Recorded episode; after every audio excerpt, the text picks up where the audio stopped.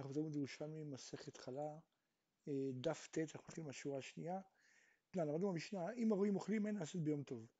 שואלת הגמרא, מדוע מותר לאפות לכלבים אם גם הרועים יאכלו ממנה? הרי הוא מוסיף טרחה באותו חלק של הכלבים. והתניא, הרי למדנו במשנה במסכת אה, אה, ביצה, אין עושים יום טוב למוצאי יום טוב, ובאמת אמרו, ממלאה אישה גדרה בשר, אף על פי שאינו אוכל ממנה אלא חתיכה אחת, קומקום חמין, אף על פי שאינו שותה ממנה אלא כוס אחד. אבל לאפות אינו אופה לצורכה, אז אם כן, למה פה מותר לאפות למרות שהכלבים אוכלים מזה, גם את החלק של הכלבים. והייתה גם המתניתין דרבי שמעון בן עזר, דתני רבי שמעון בן עזר אומר, ממלאה אישה את התנור פת, מפני שהפת יפה בשעה שהתנור מלא.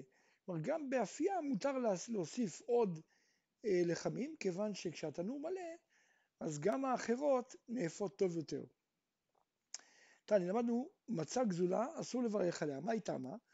אמר רבי יהושע, על שם בוצע ברך נייעץ השם, כאילו מי שמברך על מה שהוא בצע, שזה גנוב, הוא בעצם נייעץ השם. אמר רבי יונה, הדדתם עם הברכה שבתחילה, כל שהוא אכל, כיוון שהיא גזולה. אבל בסוף, אחרי שהוא כבר אכל, אז הוא כבר קנה את זה.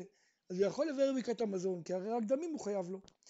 רבי יונה אמר, גם בסוף לא יברך, דאין מצווה הבאה בעבירה מצווה. כן, מצווה הבאה בעבירה זה לא מצווה.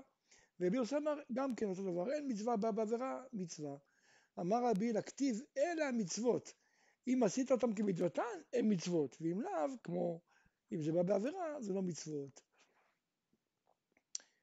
בפרק א' הלכה ו' אומרת המשנה, החלב והתרומה חייבים עליה מיתה וחומש, ואסורה לזרים, והם נכסי כהן, ועולים באחד ומאה, וטעונים בריצת ידיים ורגליים, אה, ריצת ידיים, וערב שמש, ואינם מתעלים מן הטהור לטמא, אלא מן המוקף, ומן הדבר הגמור, כלומר רק אחרי מרוח. האומר כל גאולי תרומה וכל אישתי חלה, לא אמר כלום, עד שישאר מקצת. באמת הגמרא למדנו במשנה, החלה והתרומה חייבים עליהם מיתה. שואלת הגמרא, למה דווקא כאן הדגישו חז"ל שחייב מיתה? אז רבי דוד פרזי ורבי חנין אמרו בשם רבי שמואל, ברב יצחק, שלא תחשוב שחלה זה בשם חולין, כן? כי הייתי אומר, הוא כבר הפריש תרומות ומעשרות, ובעצם זה חולין גמור. ויבואו לזלזל בהם. אז לפעמים כן צריך לומר חלב התרומה חייבים מיטה וחומש, כן? למרות שבעצם אה, גם כל תרומה אותו דבר. למה פה מדגישים את העניין של המיטה? שלא יבואו לזלזל בזה, כי השם חלה קצת מטעה. אומרת הגמרא, עשר מצוות אדם עושה עד שלא יאכל פרוסה, כן, מה המצוות? הוא אה, לא תחרוש בשור וחמור, בל תזרק כליים, בל תחסום שור בלישו, לקט, שכחה ופאה לעניים, תרומה לכהן, מעשה ראשון ללוי, מעשה של ירושלים, אה, חלה לכהן, יש עשר מצוות. רבי יצחק עשה סימן בידו, דקד עתי מייסה והוא בא לחם לידו, הוא פשט עשר אצבעתה, כן, הוא היה פושט את הידיים שלו, שיראו את העשר אצבעות, והוא אומר, הרי קיימתי עשר מצוות. כשמפריש חלה צריך שיאמר שמפריש חלה על הכל. כשהוא מפריש תרומה צריך לומר שהוא מפריש תרומה על הכל.